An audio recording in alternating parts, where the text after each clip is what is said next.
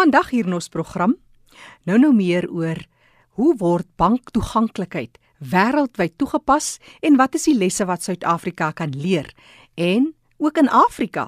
Ek gesels met iemand wat internasionaal werk doen spesifiek oor die toeganklikheid in banke.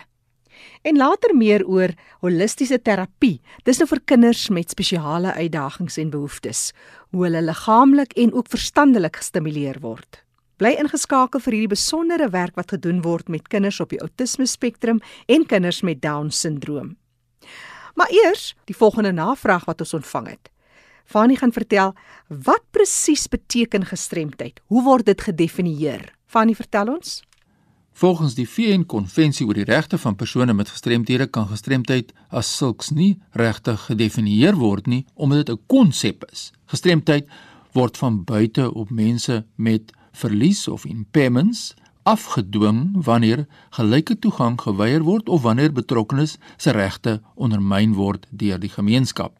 En dit kan natuurlik verskil van plek tot plek of van omstandigheid tot omstandigheid. Alles hang dus af van die graad van die verlies en hoe die betrokkene met verlies se interaksie met die breë gemeenskap deur hindernisse weerhou word om op 'n gelyke grondslag te kan deelneem aan aktiwiteite binne die gemeenskap. Fanny de Tooi wat hierdie vraag beantwoord het, het jy dalk iets wat die heeltyd jou pla? En jy sou baie graag 'n antwoord hierop wil hê ten opsigte van mense wat leef met gestremthede. Wel, stuur jou vraag per e-pos na fani.dt@mweb.co.za. Dis die program Die Leefwêreld van die Gestremde waarna jy luister hier op RSG. Ek gesels nou met Estel Martensen. Estel is van Enable SA. Sy is ook betrokke in die bankwese en sy werk passievol om banktoeganklikheid vir mense met gestremthede teweeg te bring. Stel vertel ons meer oor hoe jy hierdie werk in die bank gebruik, wat jy presies doen en hoe jy dit deurtrek na wat jy doen by Enable SA waar jy spesifiek kyk na toeganklikheid vir mense met gestremthede. Jou man is ook blind en dis juis wat jou passie net soveel meer dryf.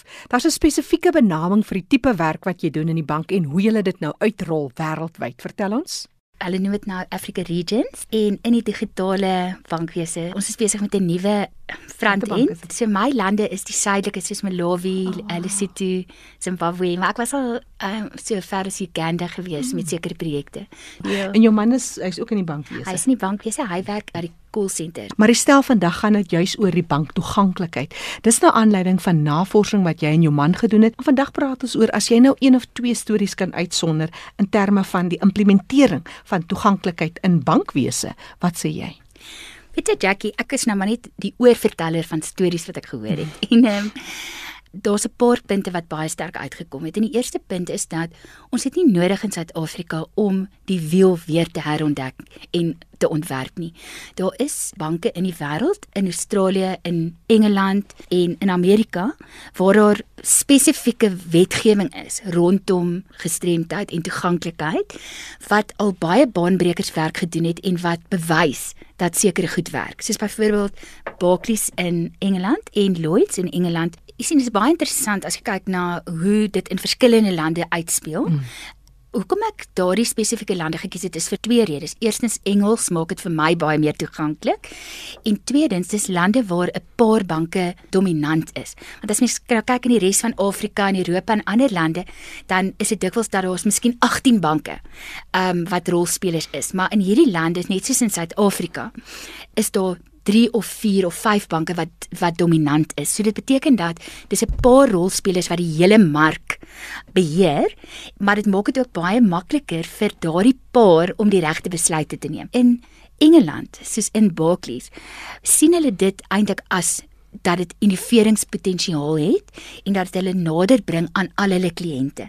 So hulle doen absolute interessante navorsing rondom iBeacons van selfone met hulle blinde um kliënte.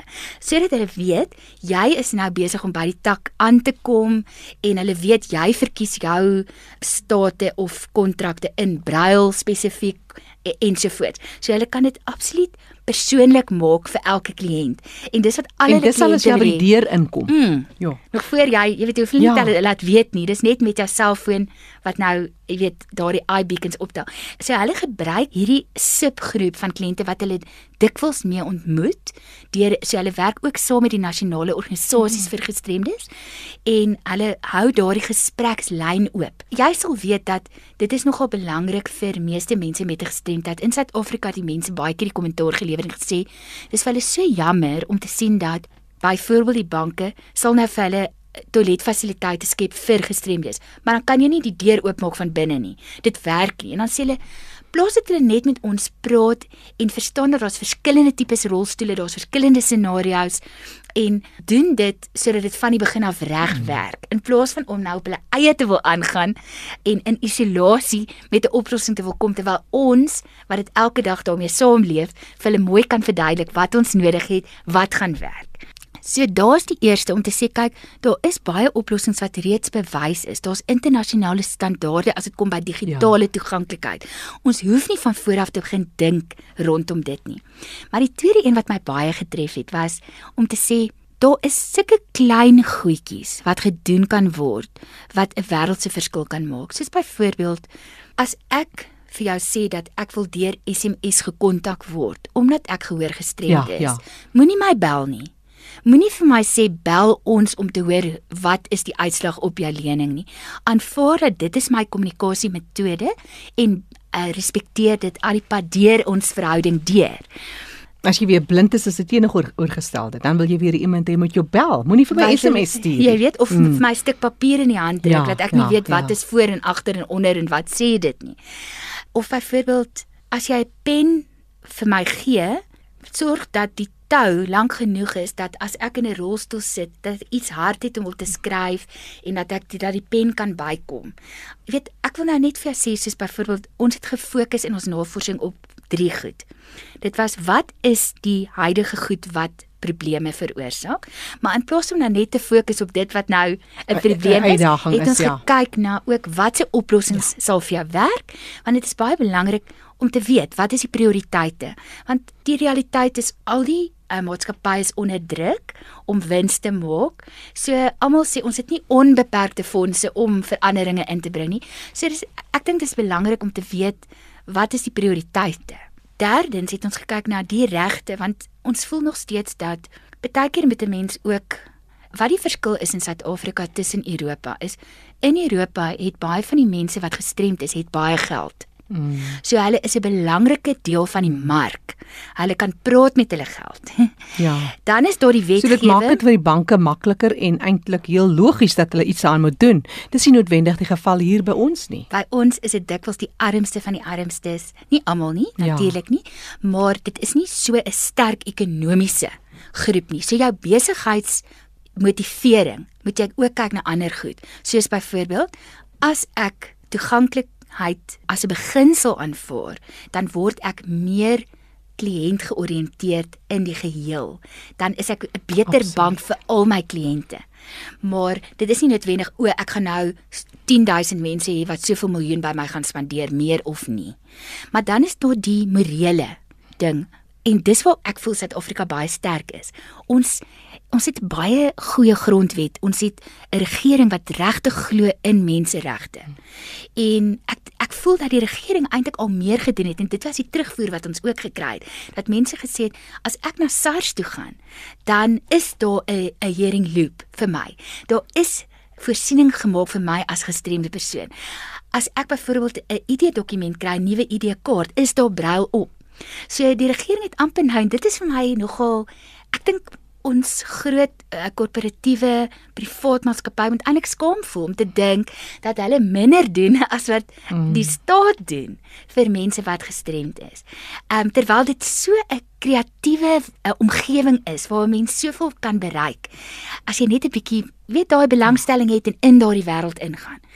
So die derde ding is dan menseregte om te kyk dat hoeveel van hierdie goed mense se reg tot gelyke toegang mense se reg tot privaatheid, mense se reg tot menswaardigheid en mense se reg tot onafhanklikheid.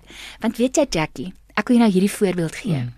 Daar was 'n persoon gewees wat die vraelys dis 19 vrae gewees. Iemand wat 'n kwadripleeg is en uh, spraak gebruik wat meer as 'n uur geneem het om daardie vrae te beantwoord. Maar dit is hoe belangrik dit vir daardie persoon was dat sy stem gehoor moet word, dat hy 'n klein verskil moet kan maak om te sê dit is wat vir my belangrik is. Dis is wat ek graag wil hê. Hoe vertroulik is so 'n vraelys? Ons het eintlik bitter min vrae gevra rondom die demografie. Ja, ja. Want ons het gesê vir ons is dit nie belangrik of jy jonk of oud of ryk of arm, die kwalifiserende vereiste om die vraelys te antwoord was jy moet 'n gestremdheid hê in hierdie drie groepe wat ons gefokus ja, ja. het. Maar die interessante ding is dat die oplossings wat na vore gekom het, was aantreklik vir mense wat ouer word. Absoluut. Dit was aantreklik vir mense wat miskien 'n leergestremdheid ook het en en baie ander groepe wat nie spesifiek en dit was maar net as gevolg van tyd en fondse ah, dat ons gefokus het op, op hierdie drie groepe. groepe. Maar eintlik het ons almal mos maar iewers iets wat jou rem, nou nie 'n gestremdheid, maar iets wat jou terughou en die implementering van toeganklikheid in die bankwese. Maar julle webtuiste vir ons? Ons e-pos is info.enablesa@gmail.com. Ek herhaal dit gou-gou info.enablesa@gmail.com.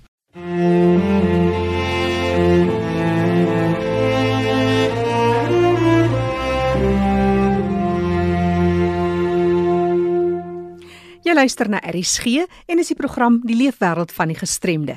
Jy hoor dit hier op 100 tot 104 FM en baie welkom ook aan ons luisteraars op die wêreldwye web rsg.co.za. En nou meer oor die holistiese terapie vir kinders op die outisme spektrum en ook kinders met down-sindroom. Ons sluit aan by Fanie De Tooy. Baie dankie Jackie. Ek gesels vandag met Dr. Malien Swiegers en sy is van Kimberley. Welkom by RSG Malien. Dankie Fani en goeiedag luisteraars. Vertel ons 'n bietjie meer oor jouself. Fani, ek is gebore en getoe, soos die ou mense sal sê in 'n uh, uitenage, maar het my hoërskoolloopbaan voltooi in Graafrenet en toe gaan studeer in Vrystaat en uh, gaan werk in die Kaap en toe Kimberley toe en verder gestudeer maar op 'n laat ouderdom en uh, klaar gemaak met my doktorsgraad toe ek 56 is, maar met my meesters het ek in toe in Stellenbosch gestudeer en daarna het ek my doktors in, in die Vrystaat gedoen. Met ander woorde, daar waar ek begin het, het ek weer geëindig. Nou ja, hoekom ek met jou gesels vandag is oor outisme, want jy het toe by outisme betrokke begin raak. Vertel ons meer daaroor. In 2002, ek het op 'n plaas gebly net so 30 km buite Kimberley. Toe het ek Annelie Botha se boek gelees, Raaisel kind. En dit het my hart verskriklik geraak want toe onthou ek dat my een vriendin het dit gehoor, het 'n kind op die autisme spektrum. En Annelie op daai tydstip het ek ook baie met Annelie gepraat want ek wou so graag Raaisel kind omskep in 'n toneelstuk. En sy het vir my iets gesê toe ek haar vra, "Het Ingrid haar kind vermoor?" Toe het Annelie my gesê, "Malien, ek gaan jou 'n ander vraag vra." As die gemeenskap vir Ingrid en Raaiselkind ondersteun het, sou sy dit gedoen het. En dit het iets in my laat opstaan. Saam met die feit dat ek op daai tydstip so drama gegee het vir Luzaan wat uh, Down syndroom het, jy vir die rede dat ek kwaad geraak het vir die gemeenskap wat dink dat kinders wat anders is, is nie waardig vir 'n uh, waardige kurrikulum nie. En dit is eintlik waar dit begin het dat my hart begin groei het vir die kind wat op die autisme spektrum is of wat dan nou Down syndroom het. En toe ek dan nou intrek Kimberley toe het ek begin om met Larissa te werk. So my teses, my doktoraal dra ek op aan Larissa van die Westhuizen want sy was die eerste kind met wie ek gewerk het en wat vir my geleer het dat ek baie te leer het by die kind op die autisme spektrum. Soos 'n dokter eendag my gesê het, Marlene, they are our teachers. En ek kan net vir jou sê Fani, daar's 'n goddelike wysheid in kinders met 'n sogenaamde gestremdheid. Ek vind dieselfde by die kind met Down syndroom en ek vind dit ook baie by die kind wat op die autisme spektrum is dat jy eintlik self geseën word as jy jou oopmaak om hulle maat te word of om mhm. terapeuties met hulle te werk. Dis Dr. Marlene Swiegers van Kimberley wat met ons gesels oor haar leefwêreld en ook hoe sy betrokke geraak het by gestremdheid en outisme spesifiek. Marien, ek wil graag by jou hoor oor jou studie self. Uh, wat het dit behels? Gee ons 'n bietjie 'n kykie daarin hoe jy dit benader. Fanny, ek het weggespring met 12 kinders. Een kind het nie klaar gemaak nie, maar met die ander 11 het hulle letterlik al die drama intervensies wat ek dan nou met hulle gedoen het oor 'n tydperk van 12 weke voltooi. En dit is nou waar ek drama gebruik het met sommige kinders as dit nodig was of ons kon dit so doen het ek met hulle in 'n groep gewerk. As ons die kind geëvalueer het, dan het ons uh, partykeer bevind dis beter om alleen met 'n kind te werk of dat ons dan 'n maatjie vir hulle bysit. Al my kinders was ek baie bevoorreg op daai tydstip al het ek saam met Elise gewerk van 'n wald met die kinders op die autisme spektrum en ook saam met dokter Griesel wat wel bekend is. Hy's een van die top pediaters in die land wat die diagnose en hulp, jy weet mediese hulp uh, vir die ouers en kinders met autisme is. En hy het al die kinders in my studie met die ADOS wat die gold standard is van alle diagnostiese toetse geëvalueer. En dan oor 'n tydperk van 3 jaar het ek dan die studie met hulle gedoen. Met ander woorde ek het begin in die eerste jaar 2012 het ons evaluasies gedoen saam met dokter Griesel sodat niemand kan sê nie een van die kinders was nie op die spektrum nie Ons het presies geweet waar hulle is in terme van ontwikkeling en ons het toe in 2013 die studie self gedoen en in 2015 het ek 'n herëvaluasie gedoen. Met ander woorde, ek het weer al die ouers besoek, ek het weer met die kinders gesels, ek het gehoor wat het intussen gebeur, waar het hulle ondersteuning nodig, wat was die uitdagings wat hulle ervaar het en ek het letterlik vir 'n tydperk van 3 jaar was ek kosbaar deel van hierdie kinders se lewe en ek kan sê oor die algemeen die drama intervensies wat ek gedoen het het hulle baie mooi ontwikkel in terme van kommunikasie, sosialisering en ook gedrag. Dis Marlene Swiger wat met gesels in ons program oor die lewe wêreld van die gestremde. Ons kyk nou na hierdie studies wat sy gedoen het en hoe dit haar lewe geraak het. Marlene, jy praat nou met ander akademici en wat sê jy vir mense wat ook wil studies aanpak soortgelyk aan joune? En wat is die struikelblokke wat jy kan vir hulle uitwys as mense nou belangstel, maar ons wil ook nou 'n studie maak in 'n sekere rigting? Ek dink die eerste struikelblok is um, ek wou aan my meestersgraad gedoen het met die onderwerp van autisme, maar op daai tydstip toe ek Stellenbosch Universiteit genader het, is daar vir my gesê hulle weet te min. Nou dit was 2008 gewees. En dit is die hartseer dat daar is regtig eintlik nie genoeg praktiese kennis nie. Ons het wat boeke kennis, maar min praktiese kennis veral in Suid-Afrika. En van die ander uitdagings wat ek sou sê vir my wat nou nie net 'n akademikus is nie, maar ek is ook 'n kunstenaar, is dit om as 'n kunstenaar jou voete in die akademie te vind. Ek was baie bevoorreg om 'n ongelooflike navorsingsmetode te ontdek, die collage research inquiry wat 'n kwalitatiewe metode is. En ek dink dit was een van my grootste uitdagings is dat dit so onbekend is in Suid-Afrika dat ek mag dit ek moes dit op die einde jy weet uit my studie uithaal en vir my was dit eintlik die mees rykste bron van data maar jy weet dit is soos dit is en met jou studie moet jy leer om jou kop te buig en en jou studieleiers te vertrou dat hulle weet wat die beste is vir jou studie. Maar verseker kan ek ook sê dat hierdie einste collage inquiry ook vir my gebring het op 'n plek wat ek kontak gemaak het met die skrywer daarvan, professor Lynn Butler Kiesler, sy's van Montreal in Kanada, universiteit daar waar sy ook opleiding gee. En dit het my eintlik gedwing om met haar in aanraking te kom en meer daaroor uit te vind. My droom is om 'n boek daaroor te skryf en dit was vir my verskriklik 'n moeilike tyd toe ek hoor ek moet daai gedeelte uithaal en dit het my ook 'n ekstra jaar gekos in my studies.